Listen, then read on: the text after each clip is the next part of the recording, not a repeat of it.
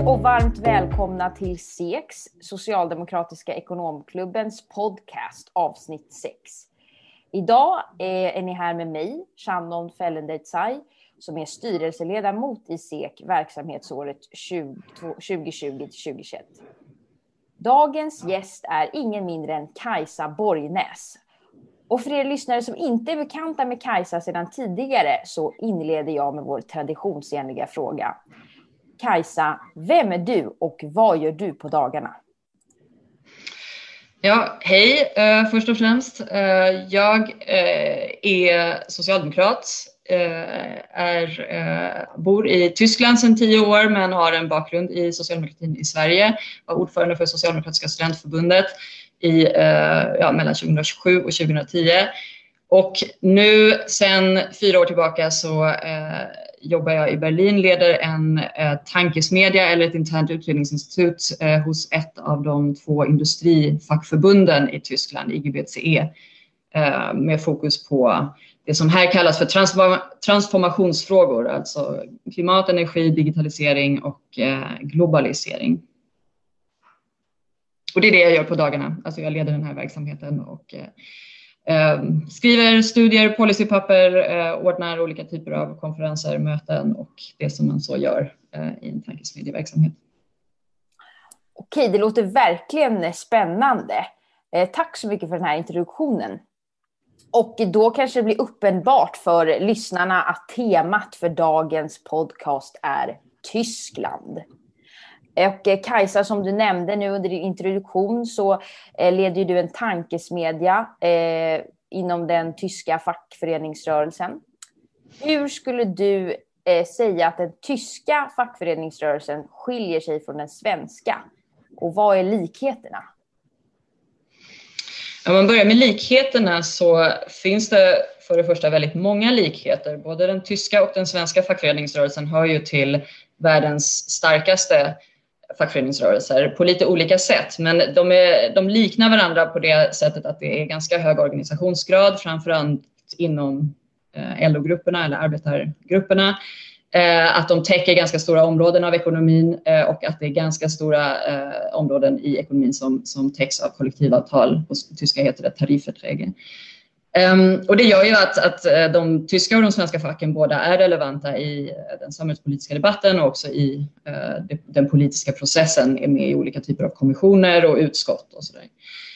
Um, vad gäller skillnader så uh, ser ju dels är fackföreningarna själva organiserade på ett annat sätt än i Sverige. De är sektoralt organiserade så att alla personer inom en sektor eller inom en bransch är organiserade i samma fack. I Sverige är det ju horisontellt uppdelat mellan arbetaryrken, tjänstemannayrken och eh, akademikeryrken i LO, TCO och SACO. Eh, så den uppdelningen har man inte här, utan här har man sektorala uppdelningar, vilket ju för sig också leder till att man har en lägre organisationsgrad bland akademiker och tjänstemän eftersom facken är här väldigt präglade av sina arbetarmedlemmar och sin arbetarbakgrund. Så, och det är ett stort problem här hur man ska försöka attrahera tjänstemännen och akademikerna inom eh, de här sektorerna. Så det är en stor skillnad eh, som också får utslag på det politiska handlingsutrymmet eh, kan man säga. Och sen, är, sen finns det andra specifika skillnader, till exempel inom företagen att den, den tyska fackföreningsrätten är egentligen till och med starkare än den svenska därför att företagen har en plikt att ha så kallade betriebsrätter och det är inte facken som är på företagen som det är i Sverige med eh, fackliga förtroendeombudsmän eller ombudsmän, utan det är helt enkelt företagsorgan ehm, eh, som eh, stora företag är eh, ålagda att ha. Eh, så. så att medbestämmandet är egentligen starkare strukturerat eh, i Tyskland än i Sverige, men i realiteten eh, kan man säga att det, det är samma typ av styrka eh, både de svenska och, och de tyska facken.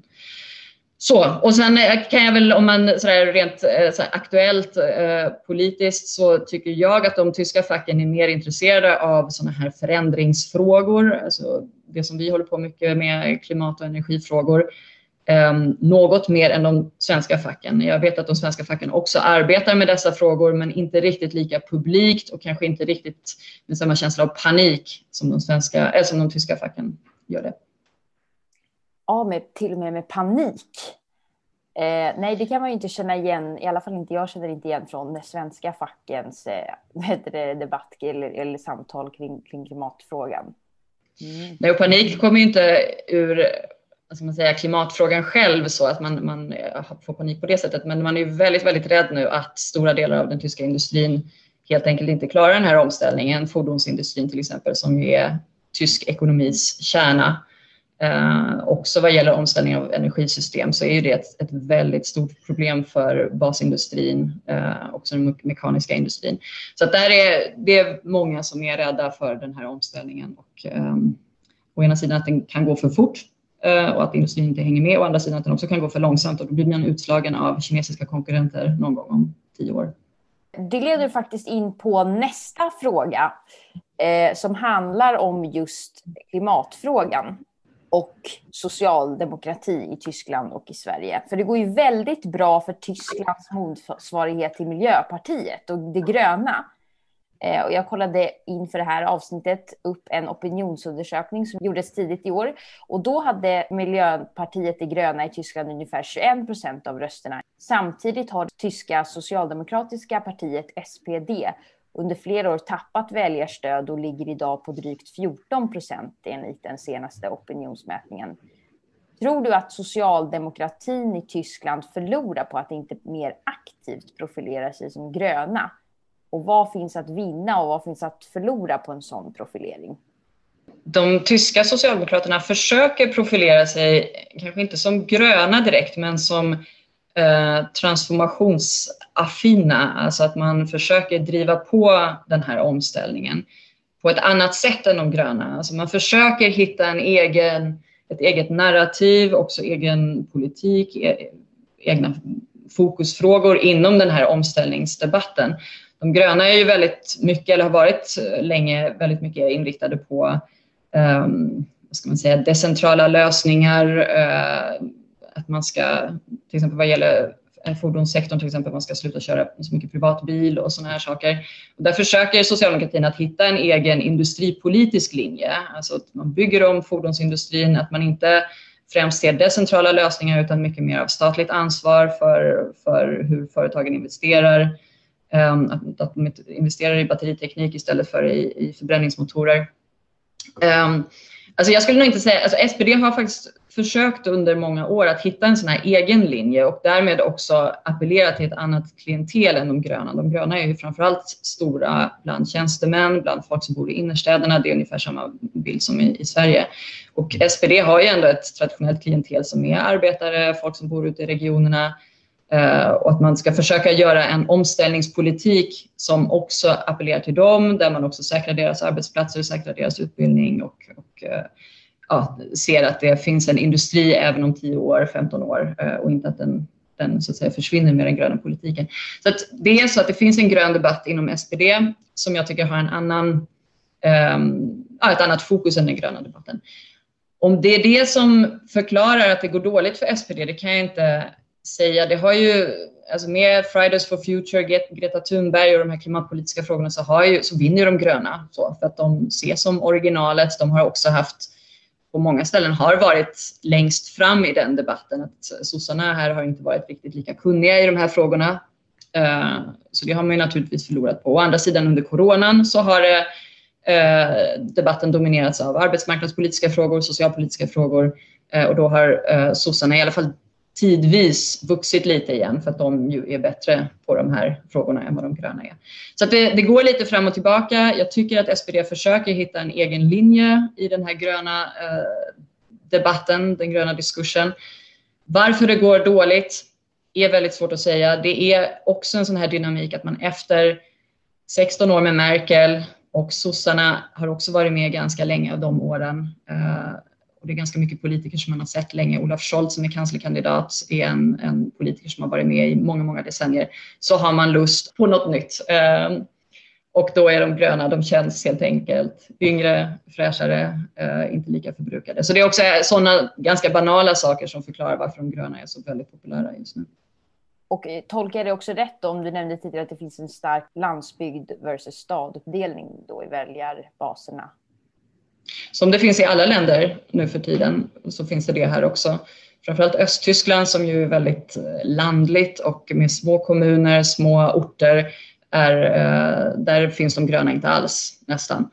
Eh, utan där är det antingen SPD eller till och med AFD som är starka. Och sen är det så att SPD har förlorat i innerstäderna på många håll och där har de gröna vunnit istället. Och det är en bild som vi ser i många, i många länder att de gröna Eh, eller radikala vänsterpartierna också växer i innerstäderna och eh, på landsbygden så är det de klassiska och mer traditionella partierna som har sina starkaste eh, fästen där. Det är en, en, en, konflikt som man måste både politiskt försöka bryta men också politiskt, alltså för, för partierna själva, partipolitiskt, försöka appellera till folk både i innerstäder och ja, som bor lite mer på landsbygden eller i mindre orter. Det har ju inte minst eh, Miljöpartiet i Sverige fått mycket kritik för, att det är liksom ett, eh, ett statsparti. Varför tror du att eh, det gröna partiet i Tyskland har lyckats så mycket bättre än svenska motsvarigheten? Alltså de gröna i Tyskland har eh, egentligen alltid haft eh, en dialog med, eller en konflikt med, eller i alla fall en levande kommunikation med industrin i Tyskland och med olika ekonomiska aktörer. Eh, och det gör ju också att de är skarpare vad gäller frågor som ja, statliga investeringar, styrningsfrågor, arbetsmarknadspolitiska frågor som hänger ihop med klimat. Eh, min bild av Miljöpartiet i Sverige är att de är, alltså när de släppte så att säga, kärnkraftsfrågan som definierande fråga så gick de över ganska mycket till som sagt decentrala frågor, att man eh, som privatperson eller i, i, som en NGO nästan, alltså som i den, i den väldigt lilla eh, lilla gruppen ska, kan göra väldigt mycket för klimatet. Alltså det var mindre statsstyrningsfrågor och mer decentrala eh, självbestämmande frågor som präglade det svenska miljöpartiet och har präglat det under de senaste decennierna. Och sen är det andra frågor också som migration till exempel som har präglat det här partiet. Men det gör att den här kompetensen, statlig styrning, teknikutveckling, stödpolitik, infrastrukturpolitik, att den kompetensen är inte så utpräglad i det svenska miljöpartiet så som jag ser det som i det tyska miljöpartiet. Och nu när det då kommer till de här frågorna av hur bygger man om stora infrastruktursystem ehm, och hur säkrar man arbetsplatser och så här, så är de, de tyska gröna är rätt starka där för att de, de har nätverken, de har följt de här frågorna under lång tid. Ehm, ja, det handlar helt enkelt om, om, ett fokus som de har haft kontinuerligt här eh, på, på industri, på arbetsmarknad och ekonomi eh, som de gröna upplever jag, det är bara, alltså så här, men som de gröna i Sverige inte har haft lika starkt. De gröna i Tyskland, de har alltså haft det från början, sedan partiet startades då? Ja, de startades ju kring också kärnkraftsfrågan och sen har de hållit i den frågan under alla år fram till 2011 när, de, när beslutet fattades att, äh, att fasa ur kärnkraften efter Fukushima. Um, så den frågan har varit levande hela tiden. I Sverige dog den frågan bort ganska mycket med, med omröstningen kan man säga.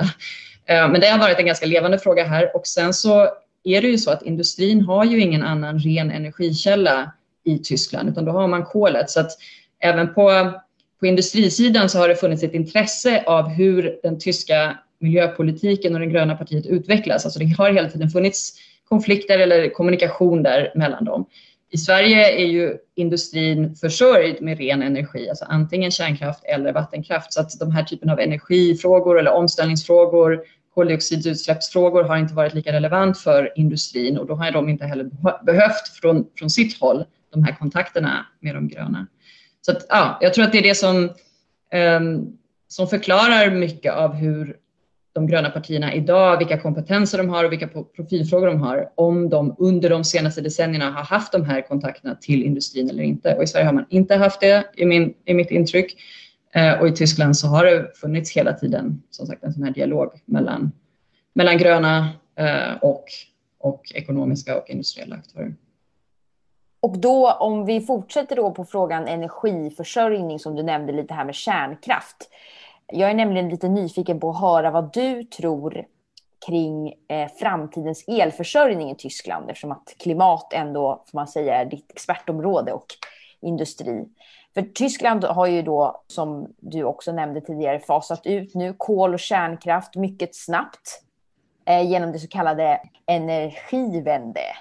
Ett program som ämnar att ställa om Tysklands energisystem till hållbart. Och relativt Sverige har jag förstått att det är dyrt med el i Tyskland. Så vad behövs för att eh, sänka de här priserna och säkra elförsörjningen i framtiden i Tyskland? Det, eh, atomkraften, alltså kärnkraften ska fasas ut till 2022 så där stänger under de, senaste, äh, under de kommande åren, året eh, stänger de sista kärnkraftverken. Och fram till 2030 2038 så ska, det, eh, så ska kolet vara utfasat. Det kan också gå snabbare, men då, senast 2038 så ska kolet vara utfasat. Och så som det ser ut nu så är ungefär hälften av den tyska strömförsörjningen är förnybar. Alltså det har byggts ut massivt solkraft och vindkraft, både onshore och offshore under de senaste tio åren. Um, men det är ju så att de första 50 procenten är ju de lätta därför att man också behöver olika typer av um, batterisystem, gassystem för att spara den här energin. Eh, och då är de sista, 10 eh, sista 50 procenten i strömsystemet att, att göra dem förnybara är mycket svårare än de första 50 procenten. Så det, det säger många här nu att det är först nu som det riktiga arbetet börjar med att försöka fasa ur även de sista 50 procenten av eh, kolet eh, ur, ur strömsystemet.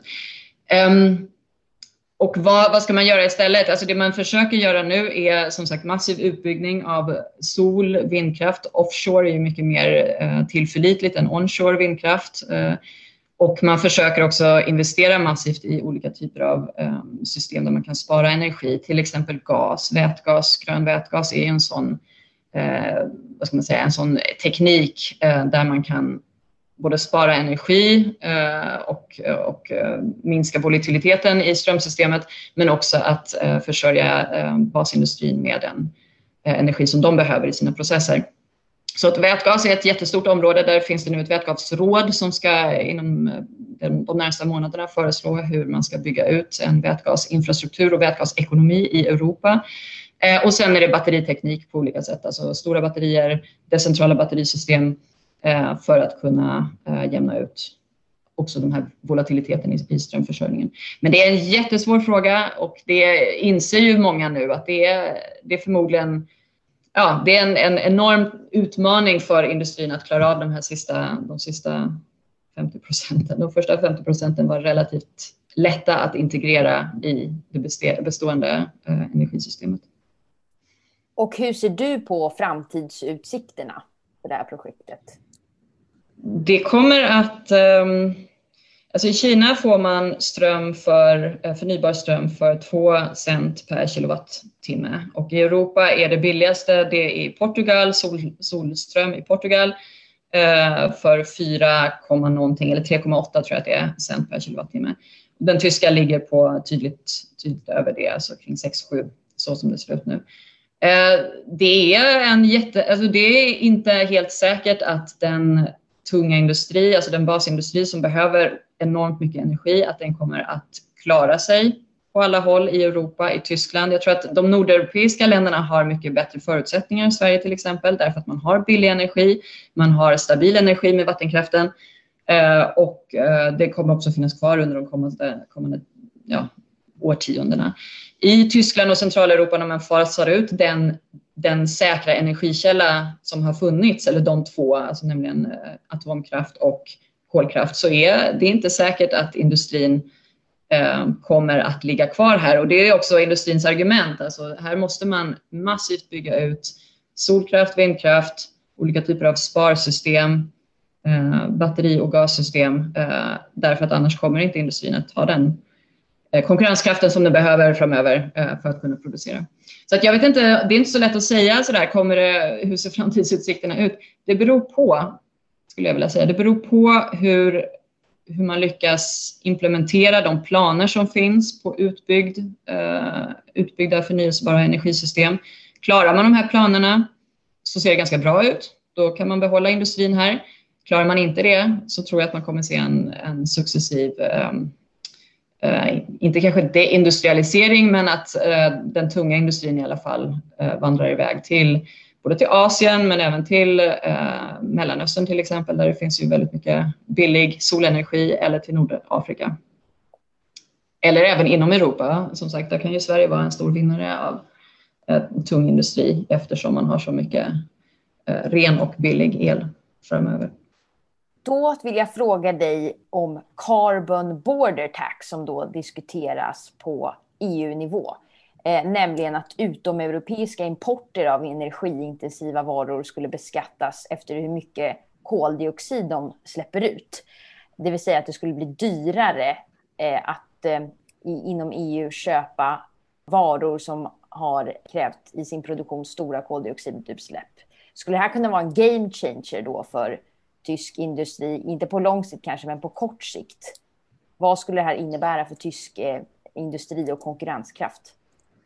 Eftersom vi inte har något internationellt koldioxidpris så får man det här problemet att olika regioner som har olika, hög, olika högt koldioxidpris kommer att behöva skydda sin industri mot eh, dumping egentligen som det handlar om från andra regioner. Alltså koldioxidpriset i Kina ligger på 10 euro per ton. Koldioxidpriset för industrin i Europa ligger på mellan 25 och 30 euro per ton som det ser ut nu och med de här skärpningarna i Green Deal eh, och den skärpning eh, vad gäller målsättning för, för eh, utsläppen inom EU så kommer priset på koldioxid för energisektorn och industrisektorn att stiga väldigt mycket under de kommande åren, förmodligen. Så, så det gör att det är väldigt mycket dyrare att producera med gängse teknologier här än vad det är till exempel i Kina eller i USA. Um, ehm, och då, så länge man inte, alltså den bästa lösningen på det vore ju att ha någon slags eh, carbon club, brukar man kalla det. Alltså att eh, man har föreslagit från tyskt håll till exempel att man ska försöka nu med Biden-administrationen någon slags transatlantisk emissionshandel, att man får ett gemensamt koldioxidpris över Atlanten, Europa och USA. På sikt skulle man kunna binda in andra länder som ju också har koldioxidprissättning, alltså Kanada, kanske Australien, Nya Zeeland, Sydkorea, Japan. Eh, på lång sikt också Kina. Eh, men det, det ligger ju lite, lite längre bort och tills man har det, ett sånt här gemensam prissättning på koldioxid, så behöver man någon typ av skydd för industrin och då är Carbon Border Tax Adjustment som diskuteras inom EU i ett system eh, men så som vi har sett det, vi har eh, undersökt det ur, ur den här blickvinkeln som tysk industri har på det hela så kan det funka för vissa sektorer, stål till exempel. Eh, stålsektorn, där skulle det kunna vara en, en bra lösning. För andra sektorer så är det inte en speciellt bra lösning därför att deras problem är inte primärt ehm, eh, koldioxidprissättningen utan eh, strömpriserna, de europeiska ström, alltså elpriserna. Eh, och där skulle man behöva andra typer av, ehm, av gränsutjämningssystem så, än, än carbon border adjustment och tax adjustment. Eh, till exempel europeiska industriströmpriser Eh, har diskuterats ganska mycket att man skulle lägga fast det gemensamt europeiskt. Eh, och för kemiindustrin som ju importerar fossila produkter så är ju en sån carbon border tax adjustment ett problem eftersom det ju ytterligare höjer produktionskostnaderna. Så att jag tror inte att det kommer bli någon, eh, någon så att säga en modell för alla branscher, utan jag tror att i slutändan, det här ska ju föreslås till sommaren av kommissionen, men i slutändan så kommer man sitta med förmodligen ett, Eh, en verktygslåda av olika typer av border adjustments för olika branscher. Vad spännande. Jag har alltid, när jag har läst om carbon border tax så har jag, kanske naivt, men också för att jag inte är så kunnig om olika, om europeisk industri, tänkt att det här är ju helt fantastiskt. Det kommer ju hjälpa så mycket med klimatomställningen. Men vad spännande att höra att det eh, finns så, att bara för att, att det kommer gynna vissa industrier och för andra kan det rent av eh, leda till sämre konkurrenskraft. Ja, och du har till exempel problemet att om du tar det på, det är väldigt, väldigt svårt att veta vilka produkter som innehåller vilka mängder koldioxid, särskilt som produkter är handlade hundratals gånger över olika gränser och då måste du egentligen veta, då säger man ja, med blockchain så kan man följa det, men det, finns, det systemet finns inte idag. Så det är väldigt, väldigt svårt för komplexa produkter att veta hur mycket du ska beskatta en sån produkt på gränsen. Och effekten är då att man förmodligen bara föreslår den här carbon border tax adjustment på grund, alltså basprodukter, till exempel stål som ju har eh, ganska liknande egenskaper och ganska enkla egenskaper. Um, men då kan, det också, då kan det få effekten att det är plötsligt väldigt dyrt att importera stål till Europa. Och det är väldigt billigt att importera halvfärdiga eller färdiga produkter. Och det skulle kunna leda till att, um, att en del av förädlingskedjan flyttar ut ur Europa, alltså att man om man gestaltar den här border tax adjustment fel så leder det till en industrialisering, precis den som man ville förhindra. Eh, därför att man ändrar så att säga relativa priser mellan grundprodukter och halvfärdiga eller färdiga produkter. Så det är också sådana effekter inom eh, förädlingskedjor som man måste titta på när man inför sådana här saker. Och det sades ju länge från kommissionen att ja, men vi vill ha en carbon border adjustment um, som ett, ett gränsskydd så, men nu, nu verkar det som sagt så att man kommer att behöva titta mycket mer eh, mångfacetterat på det här och, och förmodligen ha ett potpurri av olika system som griper in i varandra. Du nämnde tidigare EUs Green Deal. Vad kommer den att innebära både för Europa, Tyskland och Sverige? Särskilt som att eh, ekonomin kickstartar när coronapandemin börjar ebba ut, om man vågar titta så långt in i framtiden. Ja, förhoppningsvis kan den betyda ganska mycket. Alltså EUs klimatpolitik hittills har ju präglats av framförallt att man sätter olika typer av mål eller gör ganska Ehm, lösa åtagande vad gäller direkt policy. Och det har ju ändrats nu faktiskt med von der Leyens kommission som ju har lagt fram en, ett gäng olika relativt konkreta strategier på kort tid. Det är Green Deal, det är industristrategin, det är en vätgasstrategi ehm, och nu också det här med klimatpaketet, alltså ett, ett integrerat digitaliserings och, ehm, och ja, klimatpaket kan man säga. Ehm, så att jag tror förhoppningsvis kan det verkligen innebära stora kliv framåt för den europeiska klimatpolitiken. Ehm, på kort sikt kan man se att det gjorde att man måste höja utbyggnadstakten eh, i nästan alla länder eh, av den förnybara energin. Alltså i, i Tysklands fall så måste man höja målen för utbyggnaden av Eh, av förnybar energi från 65 procent av nettoströmförsörjningen till, till 75 procent eh, till 2030. Alltså det är en, en enorm så att säga, ehm, eh, strategi påskyndar den här utbyggnadsstrategin väldigt mycket i medlemsländerna. Ehm, det kommer också leda till att antalet certifikat inom emissionshandelssystemet krymper snabbare än vad som har varit planerat, vilket ju också gör att koldioxidpriset för energisektorn och industrin stiger eh, jämfört med hur det, hur det var planlagt innan. Eh, och det kommer också snabba på omställningen. Eh, det här måste ju då flankeras såklart med, med en industripolitik som gör att företagen kan ställa om, att teknologierna utvecklas snabbt nog. Men det gör att eh, alltså, trycket på marknadsaktörerna att ställa om har höjts eh, med den här Green Deal. Sen är det väl såklart att det som alltid så får man se hur det, hur det riktigt konkretiseras. Industristrategin till exempel och även vätgasstrategin är ändå, alltså det är en strategi men det är ännu ingen plan. Eh, och det, det, saknas också ganska mycket av de mekanismer som man kommer att behöva. Inte bara carbon border tax adjustment mekanismer utan också olika styrmekanismer. Eh, så att det här kommer behöva konkretiseras. Eh, Förmodligen försöker man, alltså det är sagt till sommaren, men under det här året 2021 så, så försöker man konkretisera flera av de här strategierna.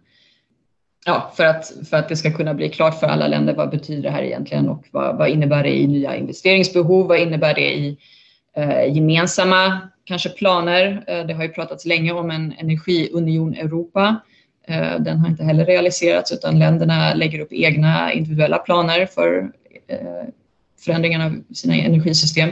Där skulle man behöva mycket mer koordination och också gemensamma investeringar. Också gemensamma investeringar kring nya teknologier, till exempel batteriteknologi. Så att, jag tycker att Green Deal, det är verkligen en konkretions... Alltså det har höjt, eh, eh, höjt ambitionsnivån men också konkretiseringsgraden i miljöpolitiken eh, och energipolitiken i Europa. Eh, men det är fortfarande ett antal steg man måste ta för att bryta ner det här på Eh, på landsnivå och sen också på en, en helt konkret nivå. Vad betyder den för policy? Skulle du då säga att det behövs mer samarbete i, över hela EU för att eh, snabba på omställningen? Jag tänkte som du nämnde energiunionen som hade diskuterats. Är det, någon, är det sätter det käppar i hjulen att det blir för mycket eh, att EU-länderna individuellt utarbetar strategier? Absolut. Eh, det är ju så att många mål sätts på europeisk nivå men strategierna utarbetas på nationell nivå och de allra flesta länder bygger sina strategier utifrån sina egna behov. Eh, och där ser ju både behov och möjligheter att till exempel producera förnybar energi ser väldigt olika ut i olika länder. Alltså i Centraleuropa är väldigt eh, tät befolkning, tätbefolkat, eh, har stor industri, Eh, Eh, där finns inte möjligheten att bygga ut energisystemen så att man till exempel kan försörja sig själv med grön vätgas. Nordeuropa är mindre befolkningstätt eh, och har ren energi eh, i stora delar. vattenkraft till exempel och skulle kunna, om man hade en gemensam europeisk strategi här så skulle man kunna vara nettoexportörer till det är man ju redan nu, men ändå ganska marginellt. Alltså man skulle kunna vara mycket mer av en, en exportör av förnybar energi direkt, alltså ström eller som vätgas till Centraleuropa. Um, och sen är det också så att det på många håll är olika system mellan de olika, um, alltså olika energi, nationella energisystemen. Det saknas um, punkter där man, där man dockar i de olika nationella energisystemen i varandra. Alltså det är verkligen sådana här basala grejer som saknas för att eh, skapa den här energiunion Europa. Det var ju egentligen Junckers eh, förslag från början, alltså förra kommissionen. Så att, ja, absolut, det saknas eh, en sån strategi, koordination. Och sen är det så att många industriella förädlingskedjor till exempel, de är ju transeuropeiska. Svensk industri producerar för tysk industri och delvis tvärtom tysk, polsk och tjeckisk industri är nästan samma industri för att de är så nära kopplade till varandra. Även italiensk eh, produktion och spansk produktion är nära kopplade till den tyska. Eh, så att eh, det är så att man borde ha både en gemensam europeisk industri och energi, alltså omställningspolitik eh, för att alla ska kunna så att säga, göra sin del men också dra åt samma håll. Jag tänkte att eh, vi nu skulle gå vidare till att diskutera tysk politik. I september i år är det parlamentsval i Tyskland och eh, Angela Merkel kommer att lämna posten som förbundskansler efter att ha haft uppdraget i mer än 15 år. Och kommer det arv som Merkel lämnar efter sig stärka eller försvaga det tyska kristdemokratiska partiet CDU? Kan det här öppna upp ett fönster för SPD, Socialdemokratiska partiet? Vad tror du, Kajsa? Ja, Merkel har ju varit eh, ett ankare i tysk politik under lång tid, är oerhört populär, oerhört respekterad eh, över alla partigränser. Um, hon har varit internt också kritiserad men har klarat ett antal eh, vad ska man säga, kriser eh, under de senaste åren och, och också växande kritik inom, i de egna leden. Hon har klarat det och kommit ut starkare och är nu under coronapandemin också väldigt stark, eller har varit väldigt stark och, och respekterad. Um, det är ju en ny ehm, um, ordförande vald för CDU uh, eh, efter Annegret Kramp-Karrenbauer som avlöste Merkel för ett år sedan ungefär. Och med det här ordförandevalet som uh, gjordes för två veckor sedan så var det faktiskt ett, ett slags uh, vägval för CDU och det var länge oklart vem som skulle vinna. Det stod mellan tre män, alla i mellan 55 och 65, eh, men politiskt väldigt olika. Den som vann, Armin Laschet, är väldigt lik Merkel och eh, det är egentligen kontinuitet han lovar, så, alltså en Merkel fast man.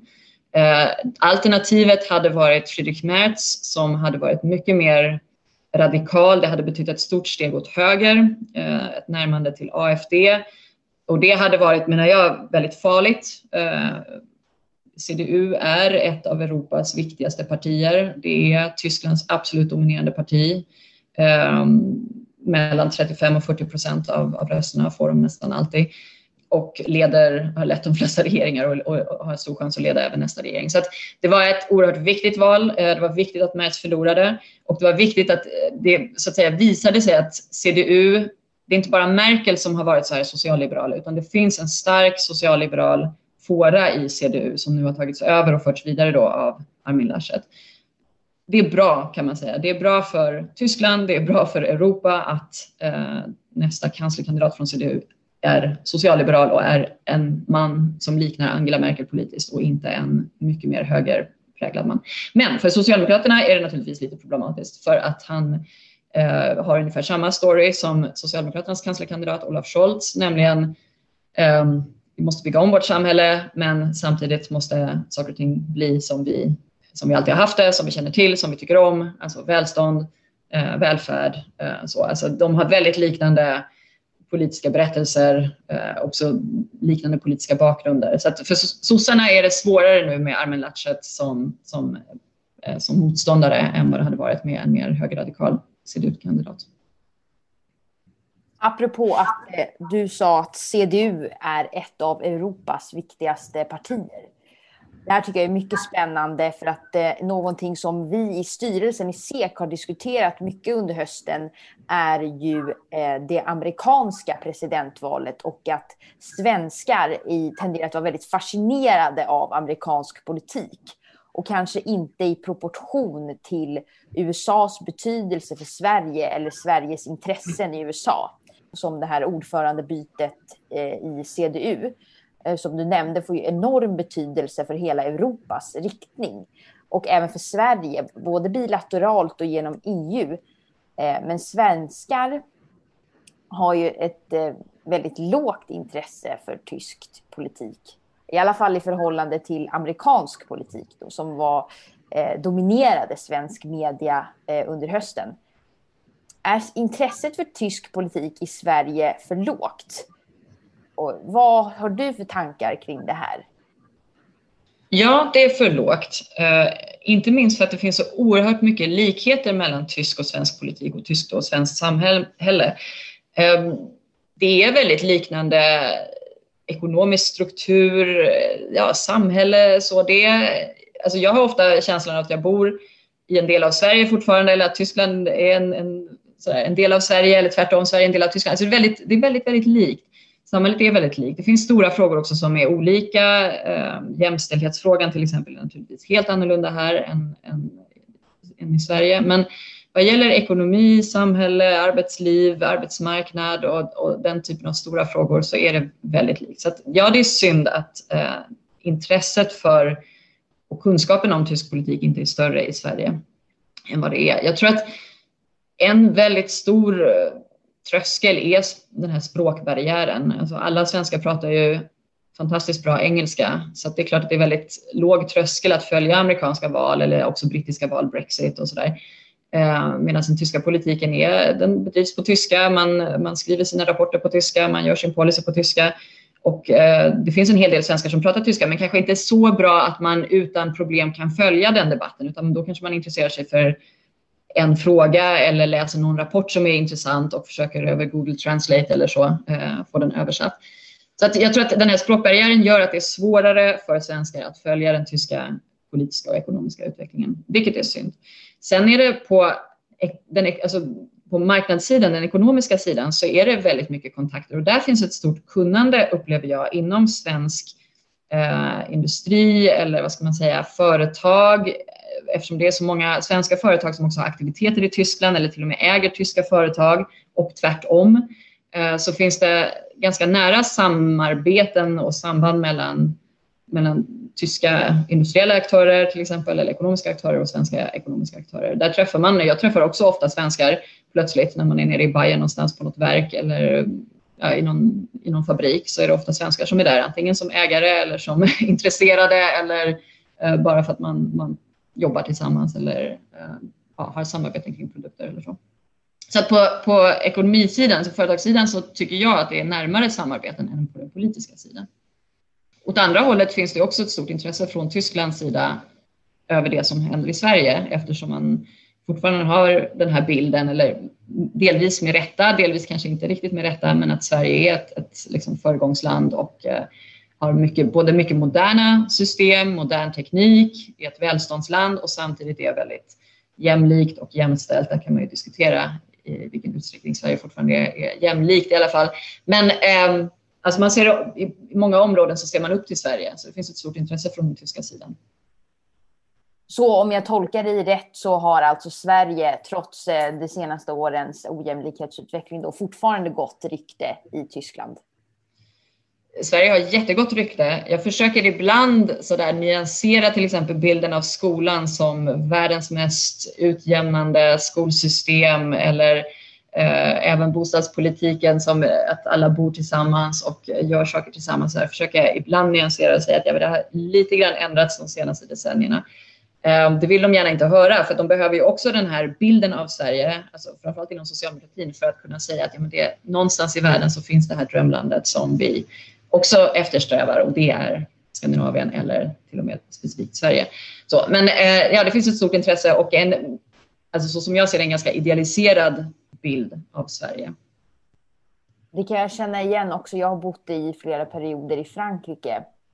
Och då om man säger att man kommer ifrån Sverige, då blir man genast mött av liksom, oh wow, och du är från Sverige, vilket liksom paradiset på jorden. Så jag, jag känner igen mig i den erfarenheten att man försöker nyansera bilden lite till, till, eh, till folk som inte kommer från Sverige. Alltså ett av Tysklands absolut mest populära program är eh, Inga Lindström och det är en svensk kvinna, hon är blond, ser väldigt bra ut.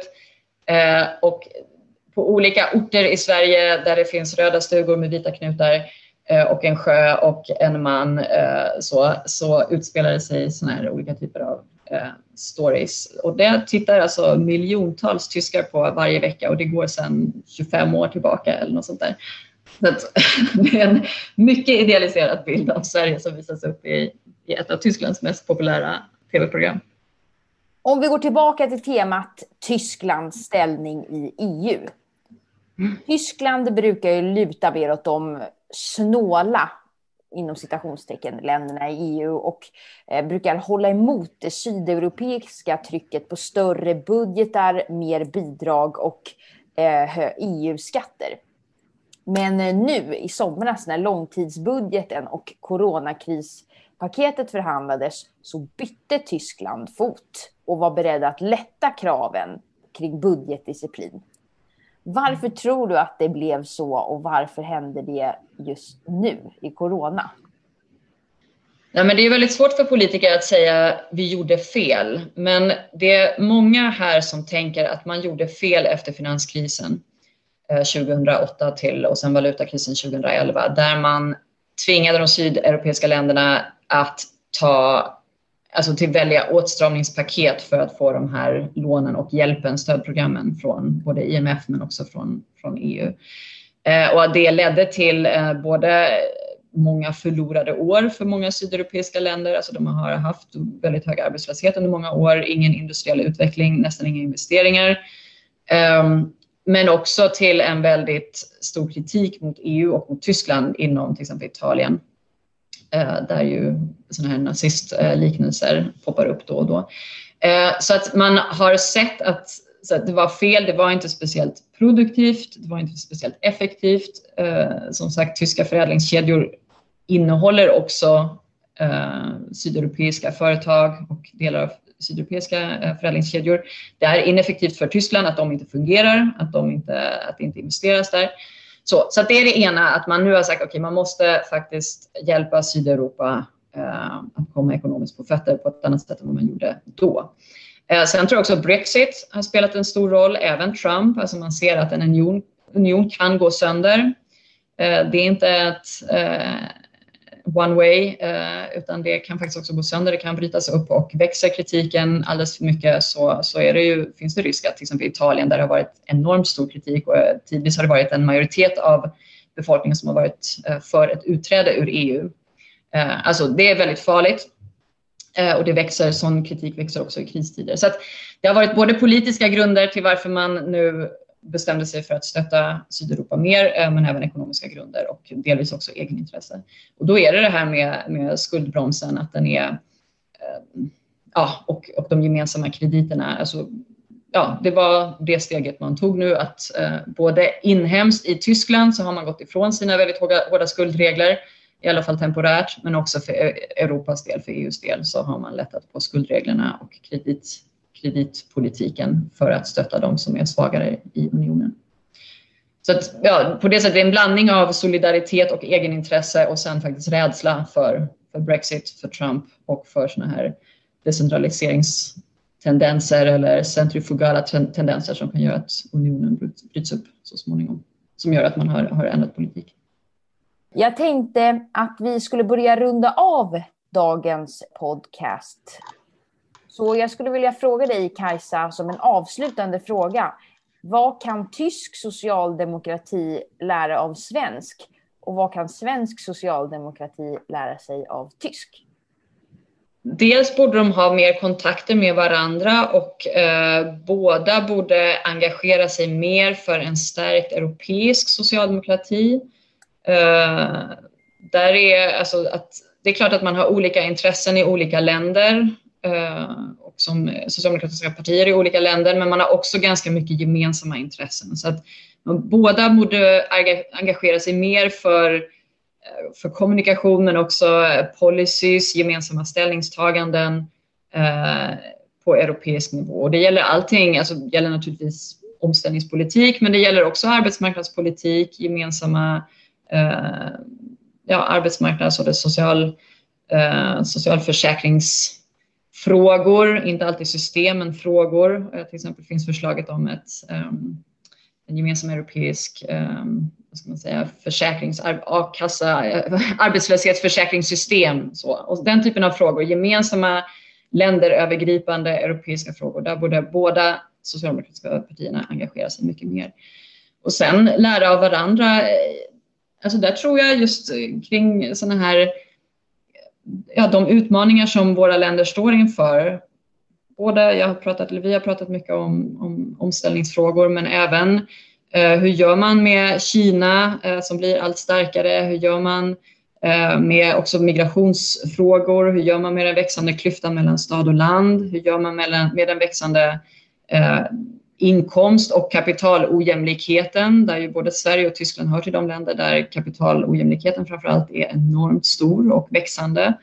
Eh, om man nu har generationer som vissa ärver enormt mycket, andra ärver ingenting. Alltså det finns väldigt många frågor som, som våra länder delar och där man borde försöka söka lösningar, inte bara inom sig och inom sin egen partiorganisation utan, utan länderövergripande. Och som sagt, Sverige och Tyskland är två länder som är, som är lika varandra på många sätt. Och där, där har man, inom många olika frågor har man mycket att lära av varandra.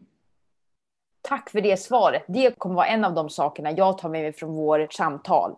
Att svensk och tysk socialdemokrati bör samarbeta mer. Yes. Tack snälla Kajsa för att du var med i SEKs podcast det sjätte avsnittet. Det var så roligt att eh, prata med dig idag. Det tycker jag också. Tack så mycket. Hej, hej. Tack för oss.